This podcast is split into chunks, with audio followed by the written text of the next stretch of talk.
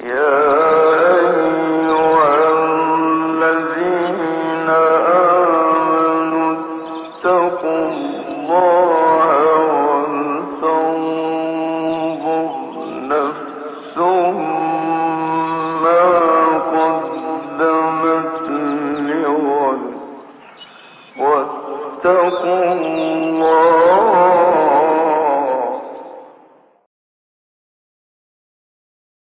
Bismillahirrahmanirrahim.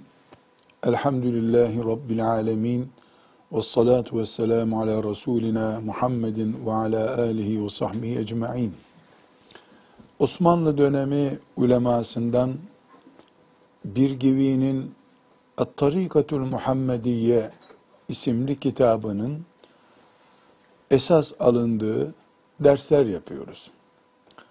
Bu kitabımız bir givinin özellikle Müslümanların iç ciddiyetinin Allahu Teala'nın dinini yaşamadaki ihlasının bozulmasına karşı kaleme aldığı bir kitaptır.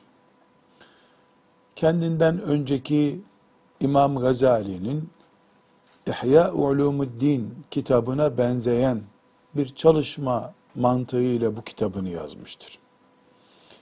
Bugün Müslümanlar olarak Müslümanlığımızı Resulullah sallallahu aleyhi ve sellem Efendimiz'den öğrendiğimiz seviyede ve kalitede yaşamaya bütün zamanlardan daha fazla muhtacız. Bu sebeple bir benzer dönemi yaşadığı için At-Tarikatul Muhammediye yani Muhammed'in tarikatı sallallahu aleyhi ve sellem Muhammed'in yöntemi sallallahu aleyhi ve sellem anlamına gelen kitabını yazan Bilgivi'nin notlarını bu zaman için çok gerekli hatta acil gördük. Rabbimizden öğrendiklerimizle ihlaslı bir şekilde amel etmeyi bizim için kolay kılmasını niyaz ediyoruz. Bir gibi kitabını Müslümanın Kur'an'a ve sünnete sarılarak yaşaması gerektiğine vurgu yaparak başlatıyor. Biz de ilk bölümde bir Müslüman için Kur'an-ı Kerim'in ne anlam taşıdığını, Kur'an-ı Kerim'e Müslümanın hangi gözle bakması ve hangi pratikte Kur'an-ı Kerim'i kendisine rehber edilmesi gerektiğini anlatan ayetleri, hadisi şerifleri okuduk kitabın ilk bölümünde. Şimdi de Müslüman için Resulullah sallallahu aleyhi ve sellemin sünnetinin ne anlama geldiğini anlatan ayetleri okuyorduk. Bu ayetleri okumaya başlamıştık. Onlara devam edeceğiz. Müslüman için sünnet ne manaya geliyor? Daha önceki derslerde temas ettik. Keşke sünnet kelimesi küçük çocuklara yapılan bir ameliyatın ifade ettiği bir anlam olarak daralmış olmasaydı. Zira sünnet Resulullah sallallahu aleyhi ve sellem demektir. Dolayısıyla imanımızın yarısı demektir. Kelime-i tevhidin yarısı demektir. Bugün Birgivi'nin bu notlarından yola çıkarak bir kere daha bunu hatırlayacağız.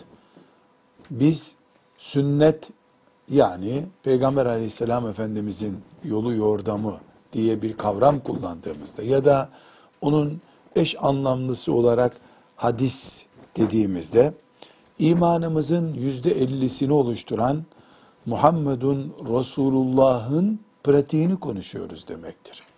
Sünnet insanların keyiflerine göre şekillendirebileceği bir din kültürü değildir. Müslümanların dininin neredeyse yarısıdır. Dolayısıyla biz Resulullah'ın sünneti dediğimiz zaman aleyhissalatü vesselam Resulullah'ın dini, şeriatı, ahlakı, Müslümanlığı demek istiyoruz. Ya da böyle dememiz gerekiyor. Bunu kastetmemiz gerekiyor. Şimdi okuyacağımız ayetlerden de açık bir şekilde göreceğiz ki Allah Resulullahsız bir Müslümanlık kabul etmiyor. Allah'a tertemiz duygularla bağlanmak belli bir anlamda Hristiyanların da yaptığı bir iştir. Pek çok Yahudinin de yaptığı iştir. Allah diyorlar. Evet, teslis akidesine bulaşmış sapık Hristiyanlar çıkarılmalı ama o akideye bağlanmamış, samimi bir şekilde Allah diyen Hristiyanlar vardır. Ama Muhammedun Resulullah demiyorlar. Demedikleri için de bu asırda milyon kere Allah deseler, La ilahe illallah deseler, hiçbir şekilde cennete giremeyecekler. Muhammedun Resulullah iman demektir. Cennet demektir. Ve Muhammedun Resulullah'ın açılımı imanımızın açılımıdır. Sünnet budur. Bu sünneti canlı tuttuğumuz kadar Resulullah içimizde yaşıyor demektir. Aleyhissalatü vesselam. Sünnet darbe gördüğü zaman, zafiyete uğradığı zaman da var olduğunu iddia ettiğimiz Resulullah aleyhissalatü vesselam içimizde yaşamıyor demektir. O filan gün yaşıyordur, filan mevsimde yaşıyordur, Medine'de yaşıyordur. Halbuki Resulullah alemindir. Yani evrenseldir. Bütün alemler içindir. Mübarek naşı Medine toprağındadır. Şeriatı kainattadır. Olmalıdır. Bu sebeple bilerek, bilmeyerek ki inşallah bilerek hiç kimse bunu yapmaz.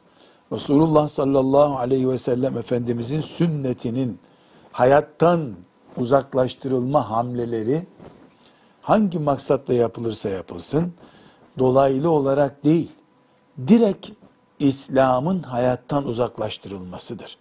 Mesele sadece çocukların, erkek çocukların küçük yaşta sünnet ettirilmesi demek değildir. O hiçbir şekilde İslam'ın varlığını etkileyecek düzeyde olmaz. Nihayetinde bir çocuk sünnet edildi veya edilmedi. Ama Resulullah sallallahu aleyhi ve sellemin o emrinin hafife alınacağı anlayış, İslam'ın hayattan itilmesi anlayışıdır. Bunu kafirler nasıl yaparsa yapsınlar, İslam düşmanlığı onların tiniyetlerinde bulunduğu için onlardan beklenir bu. Ama Müslümanların sünnete sarılmadıkları bir Müslümanlık yaşadıklarını vehmetmeleri tam anlamıyla bir evhamdır.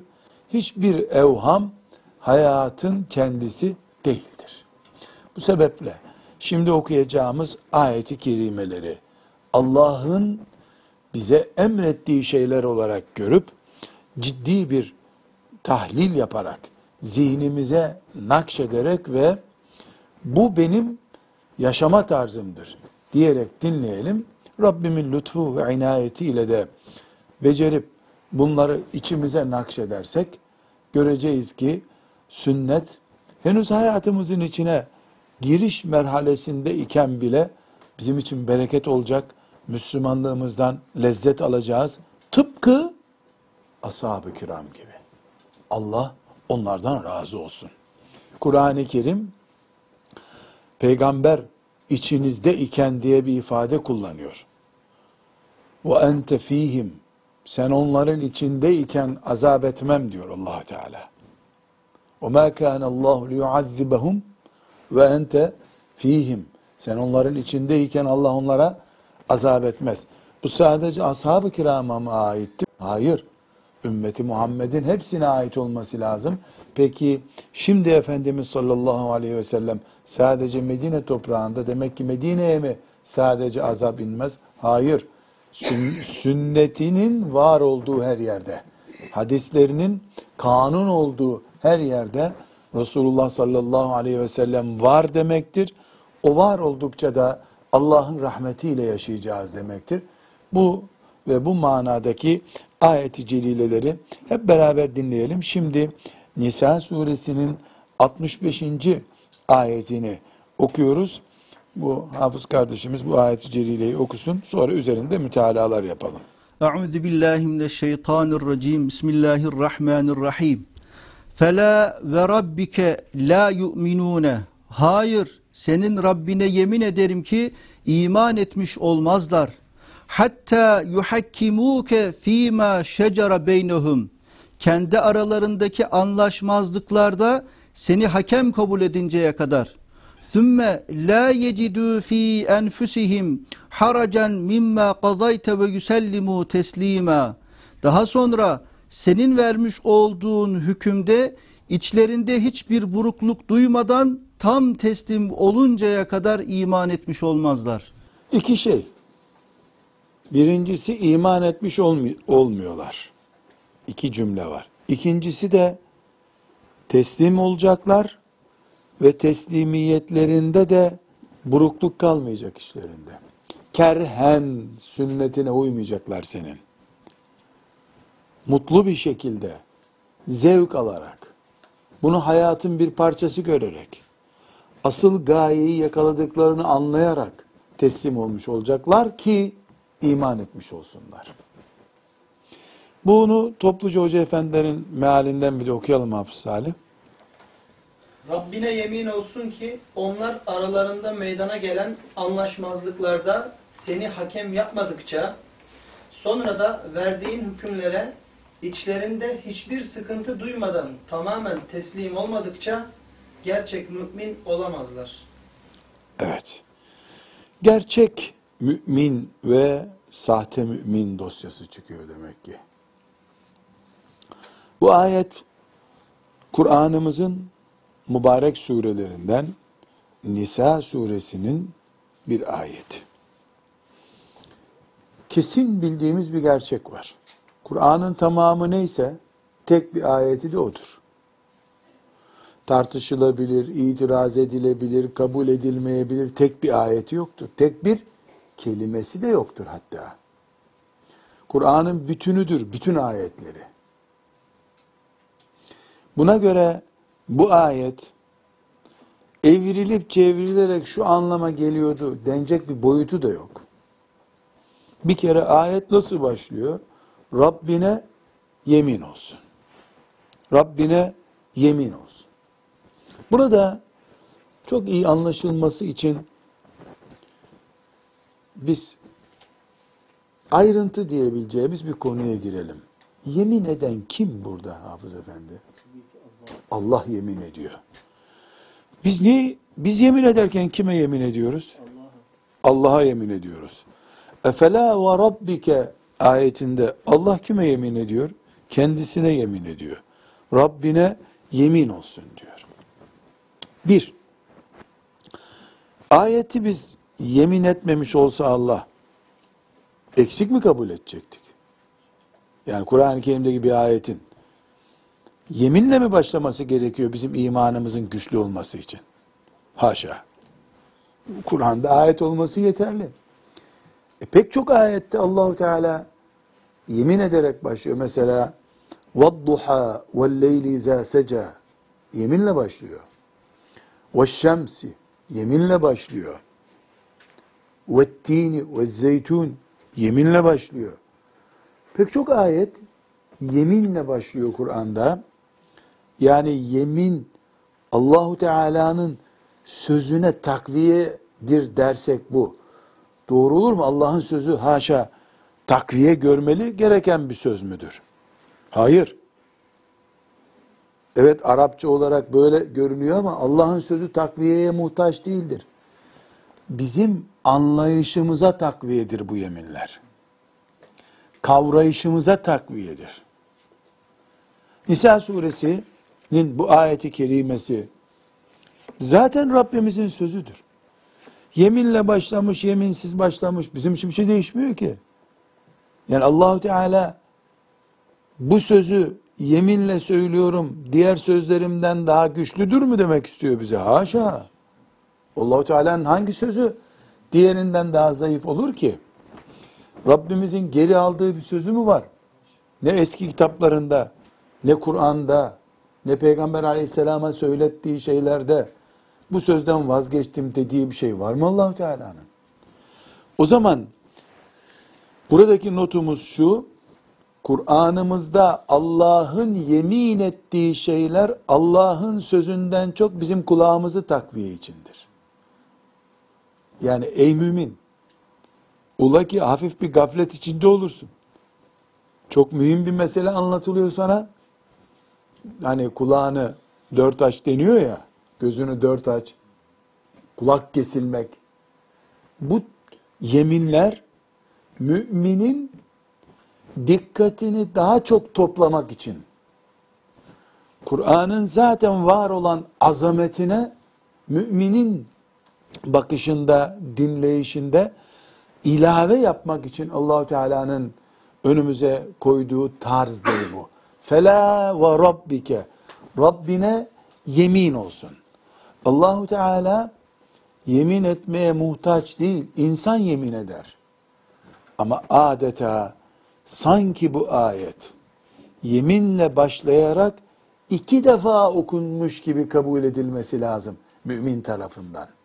Demek ki bu hükmü, şimdi buradaki hükmü Rabbimiz yeminle başlattı.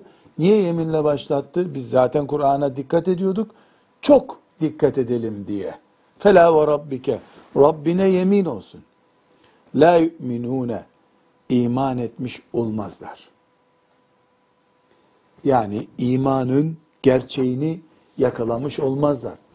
Zira gelip Medine'de ben iman ettim diyen zaten iman etmiş sayılıyor. Dış yüzeyinde kimseye sen iman etmedin denmedi. İman ettim diyen herkes mümin kabul edildi. Hatta esasen iman etmediği belli olan münafıklar bile iman etmediklerini Allah biliyordu. Buna rağmen Peygamber aleyhisselam Efendimiz yüzlerine karşı siz münafıksınız. Sizin imanınız kabul edilmedi demedi. Çünkü iman ettik diyene mümin muamelesi yapılır. Onun iki yüzlülüğü, sahtekarlığı kendisiyle Rabbi arasında bir iş. Şimdi ayeti celile fela ve rabbike la yu'minune iman etmiş olmazlar. Rabbine yemin olsun ki onlar mümin olmuyorlar buyururken yani Allah'ın istediği iman değil onların imanı. Ta ki hatta ta ki yuhakkimuke fîmâ şecere beynehum. Aralarında bir tartışma çıktığında sen hakem olacaksın. Bu kadarı da yetmiyor. Sümme lâ yecidû fî enfusihim haracan mimma kadayte ve yüsellimû teslîmâ. Sen bir söz söylediğin zaman o sana geldiklerinde peki diyecekler. Ve dönerken senin yanından içlerinde bir sorun kalmayacak. Acaba itiraz etsek mi demeyecekler. Yani temyiz mahkemesi olmaz Peygamber aleyhisselamdan sonra. O son mahkemedir. Peygamberin kararı temyiz edilemez. Bu neyin şartı? İman ettiyseniz eğer. İmanın şartı bu. Peygamber aleyhisselamın kararı temyiz edilebiliyorsa, filan alemin sözüyle, filan yazarın sözüyle temyiz edilebiliyorsa, daha tasdik etme makamına götürülebiliyorsa Peygamber aleyhisselamın sözü, iman yok demektir. E biz müminiz ama, ya bize göre, Allah neye yemin etti? İmanları yok diye yemin etti. Burada hoca efendiler, Allah ömürlerine bereket versin, gerçek iman diye tercüme ettiler değil mi? Cümleyi bir daha okur musun? İçlerinde hiçbir sıkıntı duymadan tamamen teslim olmadıkça gerçek mümin olamazlar. Gerçek mümin. Ortaya ne çıkıyor? Sahte mümin çıkıyor o zaman. Ya da mümin olduğunu zanneden aslında mümin olmayan biri çıkıyor. Bu da gösteriyor ki mümin insan Allah'a teslim olduğu gibi Peygamber sallallahu aleyhi ve selleme de teslim olacak. Peki. Burada bir soru üzerinden ayeti anlamaya çalışalım. Müslüman Kur'an'a zaten iman ediyor. Bu ayeti kerimede Yani senin elindeki Kur'an'a gelsinler demiş olmuyor mu Allahu Teala? Hayır öyle demiyor. Direkt peygamberi anıyor aleyhissalatü vesselam. Çünkü peygamberde Kur'an var zaten. Kur'an var. Dolayısıyla peygambere gittin mi Kur'an'a gitmiş olursun. Bu birinci paragraf anlaşıldı mı? Sorun ve cevabı. Ali Bey anlaşıldı mı? Soru ve cevabı. İki, o zaman tamam. Herkesin evinde Kur'an-ı Kerim var. Niye bizzat peygambere gitmek? Aç Kur'an-ı Kerim'i. Kur'an-ı Kerim'den herkes amel etsin. Değil mi? Ama bu ikinci soru anlaşıldı mı? Niye peygambere geçeceksiniz allah Teala buyuruyor. Yani zaten herkes Kur'an'a iman ediyor. Değil mi? E tamam aç filan surede bak bu konuda ne buyuruyor Allahu Teala. Niye peygambere bizzat gönderiyor? Üç. Üçüncü soru ve cevabı. Peygamber aleyhissalatü vesselam Medine'nin küçük 5-10 bin nüfuslu bir devleti de olsa bütün davalara bakabilir mi? Ticari kavgalar, mahalli sorunlar, tarla sorunları ne zaman ibadet edecekti? Bu soru anlaşıldı mı? Bireysel olarak her dava peygambere götürülebilir mi? Götürülebilirse öldükten sonra o kime götürülecek? Diyelim götürülebildi. Gerçi mümkün değil. Yani hanımını boşamak için biri Yemen'den oraya mı gelecek? Medine'ye mi gelecek? Ya da birisi bir fiyatta ihtilaf ettiler. E bunu ta Yemen'den, Mekke'den 400-500 kilometre gelip ya Resulallah kaça satayım bunu diye sormaya mı gelecek adam? Hayat yürür mü böyle? Eğer illa bizzat Medine'ye Peygamber aleyhissalatü vesselama gelecek dersek, o öldükten sonra ne olacak?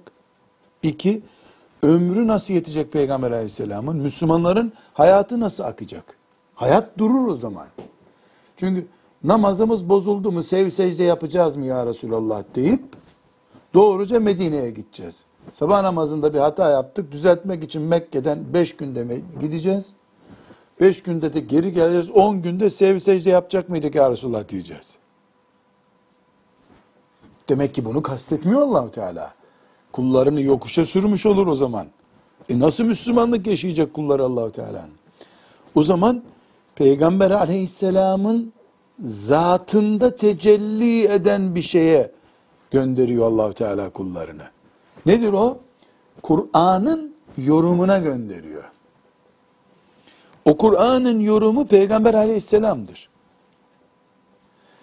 Tıpkı insanlar mesela la teşbih ve la temsil çok da böyle hoş bir benzetme değil bu ama ey anlaşılsın diye ben benzeteyim Allah'tan mağfiret etsin. Olay ki hata etme ihtimalimiz var. Türkiye Cumhuriyeti vatandaşıyız biz. Değil mi? Bu ülkede kanunlar var. Borçlar hukuku diye bir kanun var. Değil mi? Senedini ödemeyen şöyle bir yöntemle alır. Bu kanunu vatandaş olarak biliyoruz. Bilmiyorsak da internetten görüyoruz zaten. Niye mahkemeye gidiyoruz? Kanunu biliyoruz alacaklı verecekli olarak. Bir makamda tecelli etmesi lazım bu kanunun. Herkesin kabul ettiği bir otoritedir mahkeme. Mahkemenin hakkaniyeti, batıliyetini konuşmuyoruz. Temsil yapıyoruz meselemiz iyi anlaşılsın diye. Yoksa o hakimin bizzat kendisi değildir. Belki bizim borç alacak meselemizi görüşmek için gittiğimiz hakim de kim bilir borç davası geçiriyordur. Ama bir otoritenin adıdır o mahkeme. Yoksa kanunu biz de biliyoruz. Ama kanunu keyfine göre yorumlar alacaklı, borçlu da keyfine göre yorumlar. Bu sebeple Allahu Teala iman etmiş sayılmazsınız peygambere götürmedikçe dertlerinizi, davalarını. Sonra da yüreğiniz tertemiz olacak peygamberin verdiği karara karşı buyururken Rabbimiz peygamber aleyhisselamın nübüvvet makamına gönderiyor bizi. Halbuki Kur'an elimizde bizim. Ama Kur'an'ımızın ne buyurduğunu anlamamız için insani düzeyde ona bir yorum yapılması lazım. Bu bu ayete göredir. Şu ayete göredir denmesi lazım. Bu Peygamber aleyhisselamın bizzat şahsı Abdullah'ın oğlu Muhammed sallallahu aleyhi ve sellem olursa eğer ona bütün insanların gelmesi mümkün değil. Ne sağlığında ne de vefatından sonra. Öldükten sonra o Rabbine Rafik-i A'la'ya çıktıktan sonra ne olacak? Demek ki burada Allahu Teala'nın kastı çok açık bir şekilde anlatılıyor ki sağlığında ulaşabilenler ona ulaşacaklar. Ulaşamayanlar sağlığında veya o vefat ettikten sonra onun mirasına sahip çıkacaklar. Mirası esasen Kur'an'dır onun. Ama tek başına Kur'an insanların kendine göre yorumlayabilecekleri bir kapı. Beni haklı çıkarıyor burada diyecektir. Bunu beşeri standartlarda yorumlayacak olan Peygamber aleyhisselam Efendimizin daha sonra şeriat haline gelmiş bulunan sünnet-i seniyyesidir. Kur'an'ın pratiği. Kur'an-ı Kerim'in levh-i mahfuzdaki aslının Allah tarafından masum tutulmuş bir insan üzerindeki tecellisidir. Bu benim senin üzerinde tecelli etse biz masum değiliz. Sahabeden birinin üzerine tecelli etse masum değil. Yani Cebrail aleyhisselam hatadan korumuyor o anda. Ömer yanıldı. Osman yanıldı. Ali yanıldı. Olabilir. Hepsi için bu yanılma mümkün. Resulullah için sallallahu aleyhi ve sellem hata mümkün değil. Şeriat meselelerinde. Dolayısıyla Allah imanınızı kabul etmiyor. Bizzat Allah'a gideceksiniz. E Allah'a nereye gideceğiz? Kur'an'ına gideceksiniz. E Kur'an evimizde var zaten. Ezber biliyoruz bunu. Ama bunu insan düzeyinde, insan dairesinde yorumlanmış şekliyle ortaya koyan sünnet-i seniyyeye gideceksin.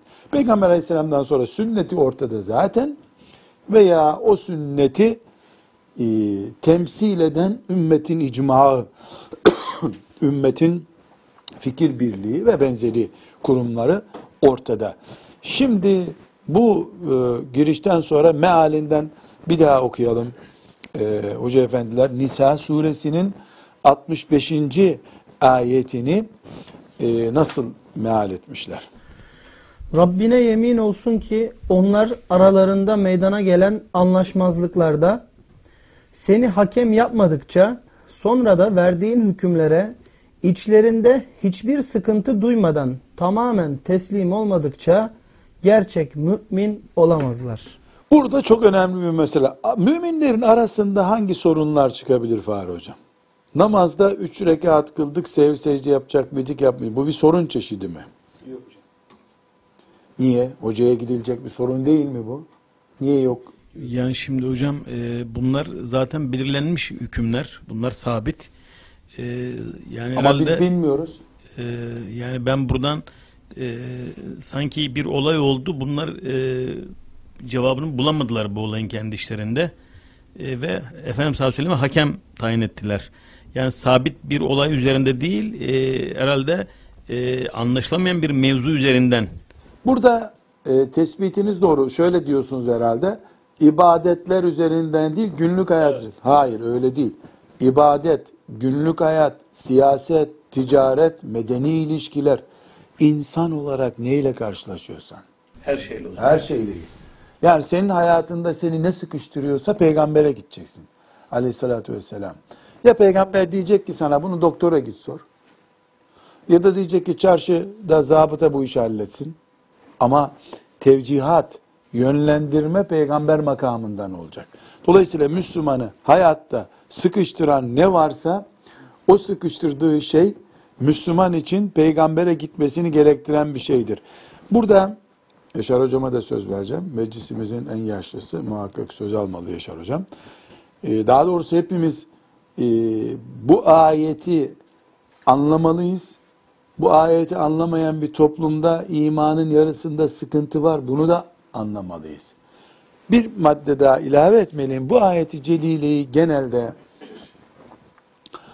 e, Seyyid Kutup rahmetullahi aleyh ve gafara lehu ve onun gibi İslam'ın gurbet dönemini e, çok fazla irdeleyip çareler üretmeye çalışan e, şimdiki modern ifadeyle radikal alimlere, mütefekkirlere e, böyle çok iyi dikkatle bağlanan kardeşlerimizin çok fazla okuyup delil kullandığı ayetlerden biridir bu. Bunu hep özellikle mesela Resulullah sallallahu aleyhi ve sellem Efendimizin e, şeriatının devlet anayasası olmadığı durumlarda o toplum, hangi toplumsa o toplum, o toplum mümin toplum değildir. Niye? E, Resulullah'ın dini, şeriatı bu toplumda konuşulmuyor. Dolayısıyla İslam sizden uzak demek için kullanılıyor. El hak bu doğrudur ama ayetin tamamı bu değildir. Yani bir toplum ben anayasa yaptım kendime. Dolayısıyla Kur'an'a ve sünnete ihtiyacım yok deyince Nisa suresinin 65. ayetine çarpıp kalıyor orada. O kuşların yarasanın gelip duvara çarptığı gibi cehennemin duvarına çarpıp kalır. Peki burada aile hukuku içerisinde Resulullah sallallahu aleyhi ve sellemin sünneti esas alınmadığında eşler arasındaki ilişkilerde kaynana kaynata ilişkisinde çocuklarla ebeveyn arasındaki ilişkide Peygamber aleyhisselama müracaat diye bir kültürü olmayan aileler onlar yarasanın duvara çarptığı gibi sünnet duvarına çarpıp yere yıkılmıyorlar mı? Yani hep devlet olarak mı bunu anlamamız, hep siyaset olarak mı anlamamız lazım? Hocam buradaki e, buradaki mealde bir de bir açıklama var. O da çok önemli. Onu oku- okuyabilir miyim? İyi olur. Diyor ki iman kuru bir sözden ibaret değildir. Gönülden bağlanmak, inanmak ve kabullenmektir. Hem Allah ve Resulüne inandım deyip hem de hükümlerine razı olmamak tipik münafıklık alametidir. Şeriatın kestiği parmak acımaz denilmiştir. Acımaz çünkü müminin kalbinde o acıyı unutturacak kadar büyük bir iman vardır. Müthiş bir tespit. Bu çok güzel. Bunu hangi mealden aldınız? Bu Diyanet Vakfı'nın, Di- Diyanet Vakfı'nın Diyanet, Türkiye Ee, Diyanet Vakfı'nın Güzel. Yani bu bu çok güzel bir yorum getirilmiş. Bu şeriatın kestiği parmak acımaz ifadesi iyi oturmuş.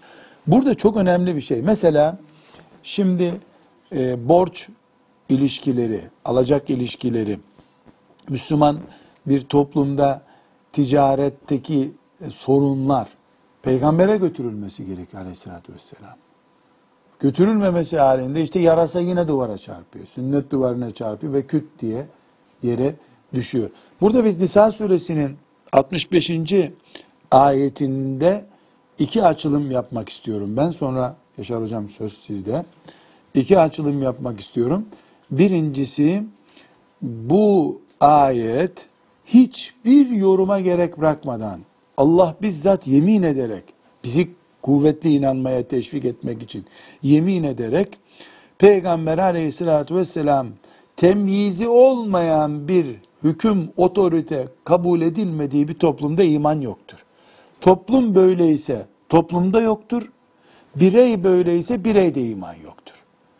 Ya buradaki imansızlık gavurluk anlamına mıdır? Münafıklık bu hangisi ise artık yani hangisi olduğu çok önemli değil. Önemli olan böyle bir risk var. Yani müminin imanı bu tip riskleri kabul etmez. Etmemelidir. Bir bu.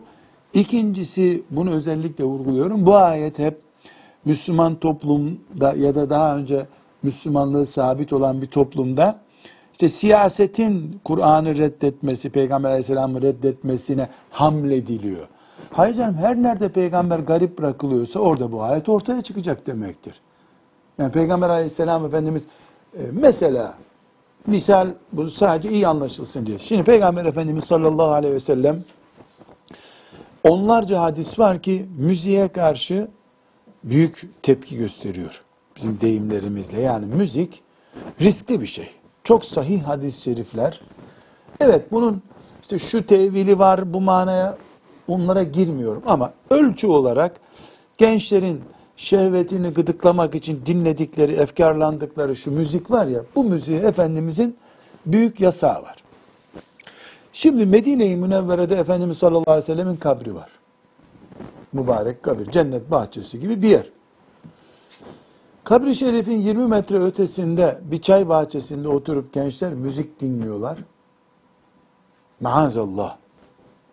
E, o dinledikleri müzik Efendimizin kabri şerifinden duyulacak yani gece sessiz olsa duyulacak.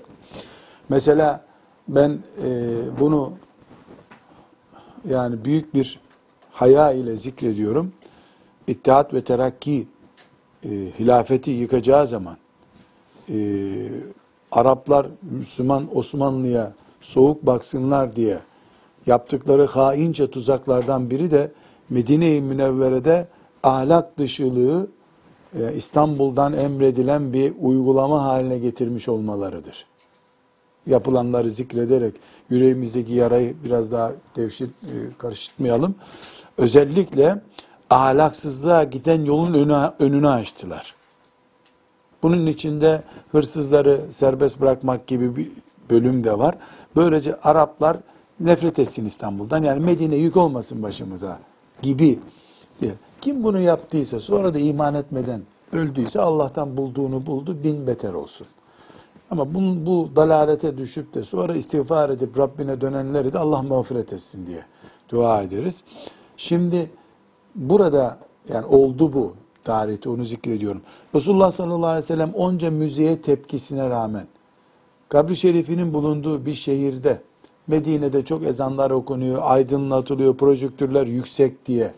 O müzik sesinin içerisinde kabrinin etrafında o gürültü varsa garip değil mi Peygamber aleyhisselam orada?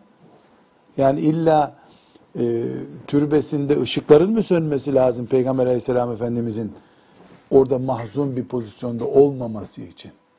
Önemli olan Peygamber aleyhisselam efendimizin dinidir, şeriatıdır, sünnet dediğimiz mirasıdır. Bunu Müslüman toplum bir kenara attıysa toplumun vay haline, birey attıysa o birey Allah'a acilen dönmesi gereken bir durumdadır. Nisa suresinin 65. ayetini nerede okuyoruz? Bir givinin Tarikatül Muhammediyesinde sünnete sarılmayı teşvik eden bölümdeki ayetlerden biri olarak okuyoruz. Yaşar Hocam siz herhalde bir şeyler söyleyeceksiniz. Mikrofonu alın. Buyurun. Hocam şimdi fazla dertli olduğum için uzatırım diye pek söz almak istemem. Uzatmadan hocam. Ee, hayatın dışına itiren bir peygamberin sünnetinin hayatın içinde bir peygamber, hayatın içinde bir kitap ve hayatın içinde bir mümin. Yani bir nevi müzevi hayat yaşayıp ibadetle meşgul olmaktansa halkın içine girip onların dertleriyle dertlenmek daha eftaldir diyen, buyuran bir peygamberin hadisiyle amel etmiş oluyoruz. Mesela siz şey yaparken bir not almıştım ben sizin e, sohbetlerinizin birisinde dedikoduyla alakalı. Enam suresinin 68. ayet. Çağrışım yaptığı için notların arasından çıkardım. Hatta belki daha rahat bir imkan olsa bunları konuşulması icap eder. Peki hocam Fela ve Rabbike ayeti hakkında yani sünneti Resulullah sallallahu aleyhi ve sellemin sünnetini hayatın bir parçası hatta hayatın oksijeni gibi algılayan anlayış hakkında bir tespitinizi alayım hocam. Şimdi yalnız bir parantez açmam lazım. Mecburen sizin e, fa- e, bilerek bilmeyerek kimseyi kırmadan incitmeden bu derslerin bir nevi ifrat ve tefride düşünmemesi gereken ümmetin misyonunu anlatıyorsunuz. Yani e, hatırıma e, hafızımız, hocalarımız var hatırlatabilirler. Hani vasat ümmet, ümmeten vasaten, Bakara suresi 143 mü? Evet. Şimdi bakın bu ayetin de bir nevi siz mealini ve bizim dikkatimizi çekmiş oluyorsunuz. Mesela siz şey yaparken not almışım ben. İbn Abbas radıyallahu an sonunda da cevap olsun diye söylüyorum. Buyuruyor ki İslam 400'dür buyurmuş o zaman İbn Abbas radıyallahu an. Aşağı yukarı bütün muhtemel kitaplarda gördüğüm bir şey bu. İman, ahlak, ibadet, muamelat. Bunun dördü yaşandığı zaman o mümin olur. Yani iman ediyor, amele gerek görmeden ben müminim diyor. Veya ibadete ağırlık veriyor vesaire. Veya muamelat. Muamelatın içine hepsi giriyor. Siyasetinden insan işine varıncaya kadar. Buyuruyor ki İbn, Ab- İbn Abbas radıyallahu anh temeli imandır. Asıl şey o. Diğerleri onun üstündedir. İmandan sonra diyor sıralamanın şöyle olması lazım diyor. İman, ahlak, ibadette öne koymuş ahlakı. İman, ahlak, ibadet yahut amel ve muamelat diye. Neyse şeyi dağıtmayalım. Bir gayri haddin diye eski tabirle. Sizi tebrik ediyorum. Önemli bir ders yapıyorsunuz. Bütün müminlerin entelektüel veya avam fark etmez mutlaka bu derslerin dinlenmesinden yana bir adamım. Ki ben kendime göre entelektüel sayıyorum. Yani üniversite Hocam bununla beraber Allah muvaffak etsin, amel edmeyi ve ihlası nasip etsin de. Öyle bitir O hocam. zaten baştan söyleyeyim. Fahri hocam sizin eee, bu ayetle ilgili zihninize çağrıştırdığınız şeyler var mı? Hocam e, yani e, bazen diyorlar sadece Asr suresi olsaydı yeterdi e, anlamak için. Yani bu İmam ayette evet yani çok veciz e, bir ayet. E, madem e, az önce siz dediniz e, her ayet Kur'an'ın tamamıdır. Kur'an'dır dediniz. Dolayısıyla e, bu da e, bizim e, az önce ifade ettiğiniz gibi bütün sıkıntılarımızı aleyhi ve selleme götüreceğiz. O oradan bizi ilgili merciye yönlendirecek diyelim ki işte şu doktora veya şu onun ne- temyizi olmayacak. Evet temiz olmayacak. Ama e, demek ki e, bugünkü toplumda da bunu sıkıştığımız zaman değil bir hayat tarzı haline getirmemiz gerektiğini. Mesela bizim e, Trakya'da e, yani iş mirasa gelince bazı şeyler e, ön plana çıkar. Yani kızlara az vermeye niyetlemişse adam bir yerden du- duyar bunu ve uygulamaya kalkar. E, bu yani e, siz de önceden söylüyorsunuz seçici bir hale getirir. Burada seçmek falan yok. Efendimiz sallallahu aleyhi e, madem e, Efendimiz sallallahu aleyhi dinin pratiğidir o zaman adres bellidir. Hüküm ortadadır. Sadece tabi olmak e, kalır ve ayetin az önce okuduğumuz açıklamasında da Allah muhafaza e, gönlünde de hiçbir tereddüt olmayacak. E, çok gönül rahatlığıyla tabi olacaksın. O dipnotu bir daha okusanız Evet, hocam. bu Güzel bir dipnot çok o. e, önemli hocam. Diyor ki iman kuru bir sözden ibaret değildir. Gönülden bağlanmak, inanmak ve kabullenmektir. Hem Allah ve Resulüne inandım deyip hem de hükümlerine razı olmamak tipik münafıklık alametidir. Şeriatın kestiği parmak acımaz denilmiştir. Acımaz çünkü müminin kalbinde o acıyı unutturacak kadar büyük bir iman vardır. Şimdi toplumumuzda mesela e, Mevlid-i Nebi bidat mıdır değil midir diye asırlardır süren bir tartışma var. E, Peygamber aleyhisselam efendimizi Hassan ibn Sabit radıyallahu anh övdü. Kâb filan e, şair övdü. Yani Süleyman Çelebi'nin övmesinde hiçbir sakınca yok. Hiçbir sakınca yok. Niye olsun ki? Yani kim bilir Süleyman Çelebi Allah rahmet eylesin ne heyecanla ne böyle gözyaşları akıtarak onu yazmıştır. Yani Mevlid'in varlığı İslam için tehlike niye olsun? Niye bidat olsun? O zaman e, Hassan ibn Sabit de en büyük bidatçı. En büyük bidatçı da Kaside-i Bürde'yi yazanlar o zaman zil zurna bidatçı denir. Buradaki sorun başka bir şey.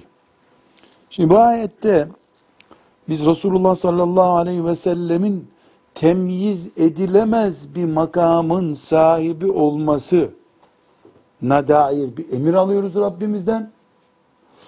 Ama öbür taraftan bakıyoruz bu peygamberin şeriatının neredeyse hiçbir değeri olmayan, mirastan tut, ticaretten, ziraatten, hiçbir yerde bu şeriata söz verilmeyen bir toplumda, yılın belli günlerinde, cenaze günlerinde, takvime bağlanmış bir şekilde ve kimsenin ne dediğini anlamadığı bir şiir okunuyor. Buna mevlüt deniyor.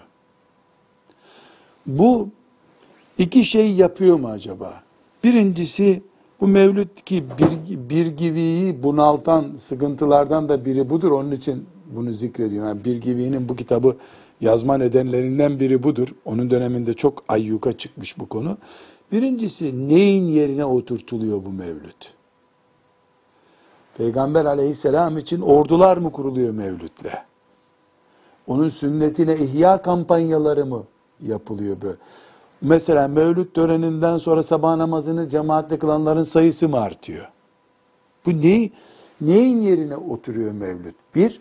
ikincisi götürdüğü bir şey var mı bunun? Yani gazını mı alıyor Müslümanların? Mesela bir mevlüt töreninin ya da o mevlüt töreninin modern şekli şimdi kutlu doğum yapma. Doğum haftası veyahut da işte Hicri yılbaşı, Mekke'nin fethi.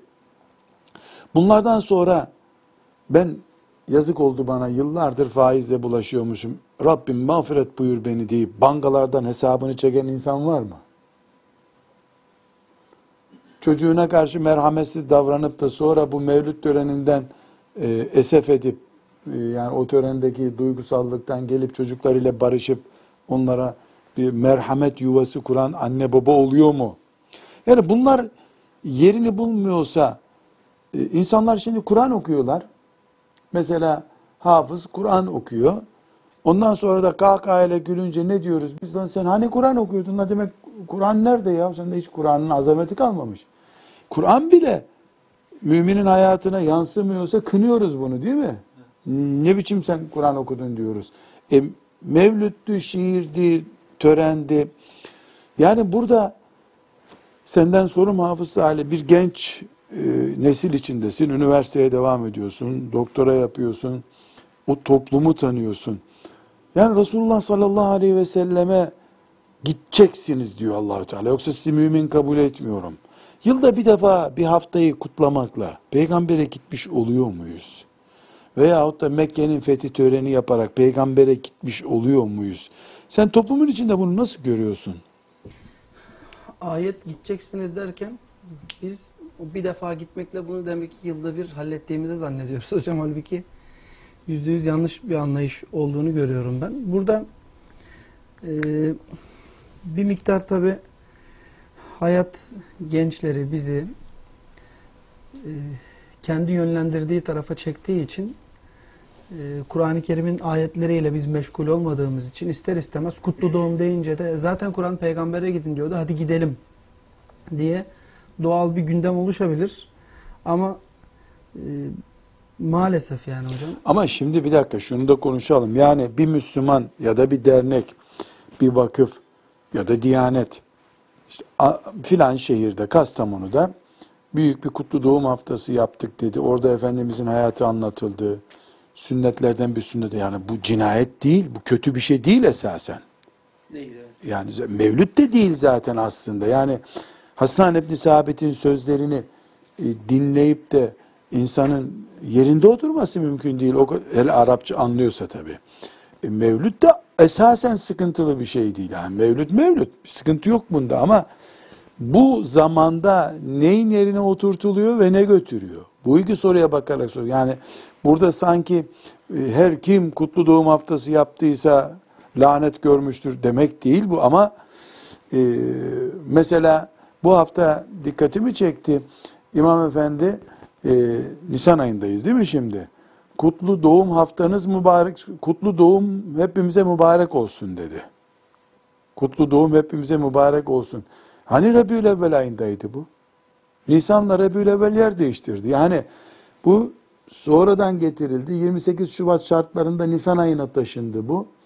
Nisan ayında o zaman Rabiül Evvel'e rastlıyordu. Şimdi Rabiül Evvel öbür tarafa gitti. Biz hala doğum, kutlu doğumda kaldık. Yani adres değişti ama içerik devam ediyor hala. Burada bizim sorunumuz böyle bir toplantı yapıldı. Orada bir hoca efendi bir şey anlattı. Aşırı şerifler okundu. Buna karşı gelecek bir anlam yok ama bir şey götürüyor mu götürmüyor mu bu? Neyin yerine oturuyor? Asas sünnete ittibamız Peygamber sallallahu aleyhi ve sellemin makamına teslimiyetimiz sağlanıyor mu burada? Asıl dert bu. Bunu konuşmamız lazım bizim. Hocam ayet zaten yani aranızda anlaşmazlık çıktıktan sonra Peygamber aleyhisselama gittiğinizde gidin çözsün meselenizi diye başlamıştı. Biz ortada zaten anlaşma yok gene Peygamber aleyhisselamı buluyoruz. Anlaşmazlık çıkınca biz kendimiz çözdüğümüz için burada da başka bir sorun çıkıyor aslında ortada. Yani kutlu doğum meselesi de değil zaten mesele. Sorunsuz konularda mı peygambere? Yani hoşumuza giden konular çok güzel toplantılar yaptık. Orada çiçekler dağıttık. Burada zaten problem yok ki. Namaz kılan kılmayan herkes oraya geliyor. Ama bir problem çıktığı zaman Peygamber aleyhisselam için gelin bir program yapalım desek e, Nisan ayında değiliz. Niye program yapıyoruz olacak bu sefer? İleriki dönemlerde belki. Çünkü Rabiül Evvel'e yakın aylardayız şimdi. Yani çok şimdi olmaz ama ileriki dönemlerde Nisan dışında bir toplantı yapılırsa maazallah yani ona katılım matılım olması mümkün değil. Ali abi siz e, katılmak istiyor musunuz buna? Ee, Allah rahmet etsin İmam Birgi'ye kıymetli hocam. Ee, zannediyorum İmam Birgi'yi bu kitabını yazdığında e, bizim tıbbi tarim, e, terimle koruyucu anlamda yazdı. Aman dikkat edin e, sıkıntılar büyür gelir. Bu ayetler. Ay yok bunu bir düzeltme yapalım.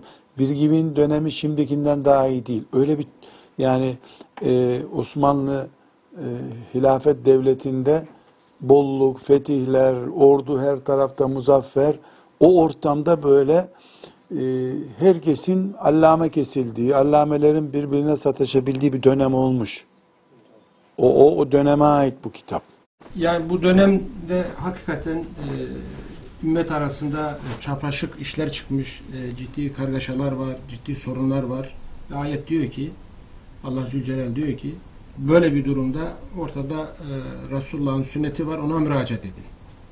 Yani e, e, hamdolsun e, elimize de getirmişler. Resulullah aramızda yok ama Resulullah'ın sellemin e, e, sünneti aramızda var. E, kitaplarda, sahih kaynaklarda var. E, müracaat edilecek. Temiz edilmeden de sonucuna razı olunacak. Ve herkes de e, memnun olacak. Ama insanlar e, ne yazık ki işine gelen tarafını alıyor. E, Resulullah bize sünnetini bırakırken e, sallallahu aleyhi ve biz işte bir kabı doğru olarak bırakmış, bize teslim etmiş. Biz ise boşaltıyoruz, başka şeyler yerine dolduruyoruz. E, sorunumuz orada kaynaklanıyor. İnşallah bunu kasten ve bilerek, sünneti hafif görerek yapmıyoruzdur. Bu imanla tamamen ters düşen bir sıkıntı olur. Maazallah. Evet, hocam siz bu ayet-i celileyi bir daha kelime kelime e, te- tercüme edin. Şey Tamam, onu da alalım. Ee, Şimdi herke, hepimiz yani Müslüman olarak hepimiz Peygamberimize kendimizi borçlu hissediyoruz. Ee, borçlu hissediyoruz ama e, borcumuzu Peygamberimize öderken yanlış şekilde ödüyoruz. Nasıl? Yani e, kutlu doğumla Peygamberimize sanki borcumuzu ödemiş gibi hissediyoruz. Öyle bir duygu varsa ama yani şimdi kutlu doğum törenine giden bir Müslüman illa böyle yaptı diye bir yani içini yorumlamamız doğru değil. Ama mesela e, peygamber kutlu doğum demeyelim buna. Bir toplantı, peygamber aleyhisselamla ilgili bir toplantı veya cuma vaazı olsun ne değişir ki? Böyle bir toplantıya giden birisi çıktığında yalan konuşmakta mahsur görmüyor, borcunu ödemiyor, eşine zulmediyor, çocuklarını ihmal ediyor, sabah namazını kılmıyor ama tören kaçırmıyor. Ya tören Müslümanlığı yok. Bunu yoksa e, insani bir sorunu olmayan, ibadetlerinde ciddi olan bir mümin e, bir toplantıya gitse ne olur? Ama toplantı bando eşliğinde yapılıyorsa o toplantı zaten Müslümanlara ait bir toplantı olmaz herhalde. Bir ara onu hatırlamış mıyız? Bilmem kaç yüz kişilik Kutlu Doğum Orkestrası kurulmuştu. Hatırlıyor musunuz onu? Elhamdülillah e, Allahu Teala o afetten kurtardı bizi. Ne bu ya kilise gibi Kutlu Doğum Orkestrası. Bir de bunu medar iftar yapmışlardı. Çünkü bidatler zevklidir. Bidatlerde lezzet var. Elhamdülillah onun önü alındı. Ben bir yere gitmiştim. Ee, orada dikkatimi çekmişti. Kutlu doğum anısına at yarışı yapmışlardı. Kutlu doğum anısına at yarışı yapılmış. Yani kazanana herhalde iyi bir at verecekler değil mi? Artık ne inna lillahi ve inna ileyhi raciun deriz. Hocam ayet-i celleyi teberruken inşallah e, bu kuvvetli imanla e, yaşayıp ölmemize vesile olması için ayet-i celleyi okuyup tekrar e, mealini verelim. Fela ve rabbike la yu'minune. Hayır, senin Rabbine yemin ederim ki iman etmiş olmazlar. Hatta yuhakkimuke fîmâ şecere beynehum. Kendi aralarındaki anlaşmazlıklarda seni hakem kabul edinceye kadar. Thumma la yecidû fî enfusihim haracan mimma qadayte ve yusellimu teslima.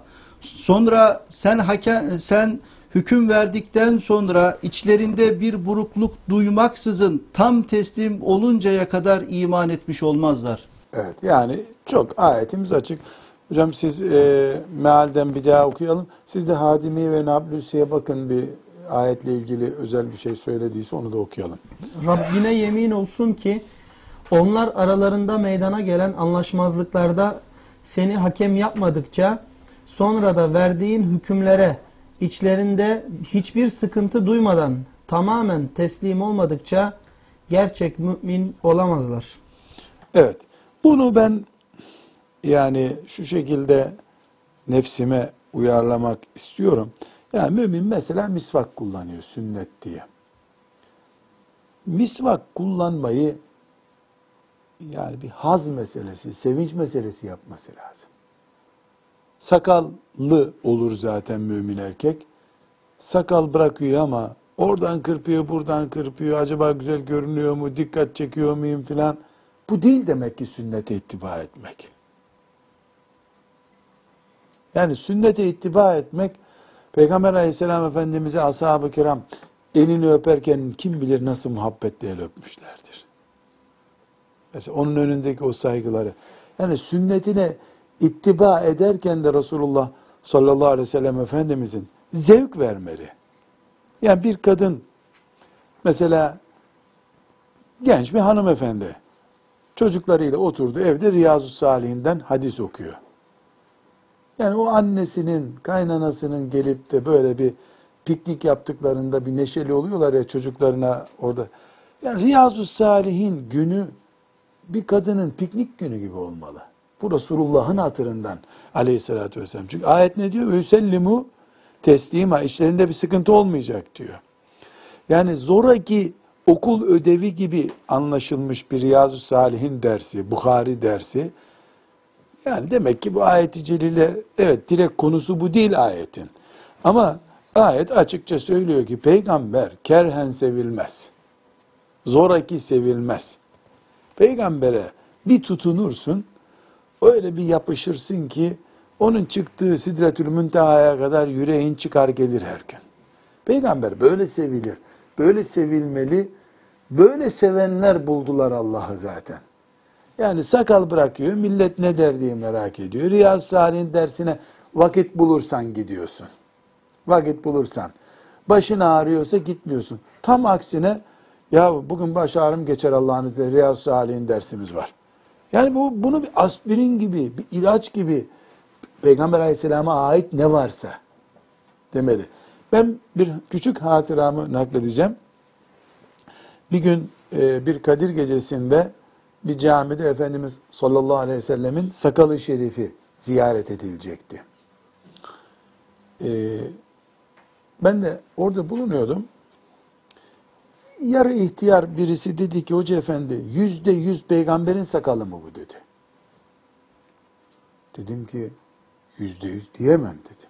Yüzde kaç dedi onu da bilmiyorum dedim. Ne kadar dedi. Ya dedim hayali de olsa peygambere salavat getiriliyor işte. Elimizde hiçbir belge yok. Efendimizin sakallarının sakaldan kestiklerini Hudeybiye'de filan tıraşından kalanlar dağıtıldı. O Halid bin Velid de vardı radıyallahu anh ama İstanbul'a nasıl geldi, o camiye nasıl geldi meçhul. Anadolu'nun bir köşesinde bir camide de var bazen çıkıyor. Şimdi durdu durdu. Senin yüzündeki sakal yüzde yüz sünnet mi dedi. E nereye benzetiyorsun beni dedim. Ben başka ne için bırakarım ki bu sakalı dedim. Hocam çok enteresan. Yüzde yüz olana ben bakıyorum bu kadar yeter hayaline bakmayayım dedi. Ziyaret etmedi gitti adam. E yani bu mantığı çok güzel. Yani böyle yaygınlaştırılacak bir şey değil bu ama mesela yüzümüzdeki sakal inşallah niyetimizde bir sorun yoksa yüzde yüz peygambere ait sallallahu aleyhi ve sellem ama o küçücük kavanozun içindekinin ne olduğu belli değil. Bir hasret, bir umut. Zaten kendisine tutmuyorsun. Gördüğünde bir şey yok zaten. İki tane tüy orada görünmüyor belki de. Ama o duygular, bu duygu da değil bizzat kendisi. Bizzat kendisi. Ee, esasen Peygamber aleyhissalatü vesselam Efendimiz'e bu hasretle, yani onun sünnetini gördüm, kendini gördüğüm gibi teslimiyetle sarıldığımız zaman demek ki mümin şehitliği bile özlüyor o zaman. Ama sünneti böyle çocuğun zorla içtiği ilaç gibi işte mecbur yapacağız diye yaptığımız zaman say say bitmiyor işte. Bu sefer de sayılması zor oluyor. İnşallah bu Nisa suresinin 65. ayeti hayatımıza rehber olur diye dualar ederiz. Rabbim e, şeriatını e, en becerebildiğimiz şekilde yaşamaya da Peygamber sallallahu aleyhi ve sellemin mübarek sünnetine uymaya da hepimizi muvaffak kılsın. Ve sallallahu aleyhi ve sellem ala seyyidina Muhammed ve ala alihi ve sahbihi ecma'in velhamdülillahi rabbil alemin. يا أيها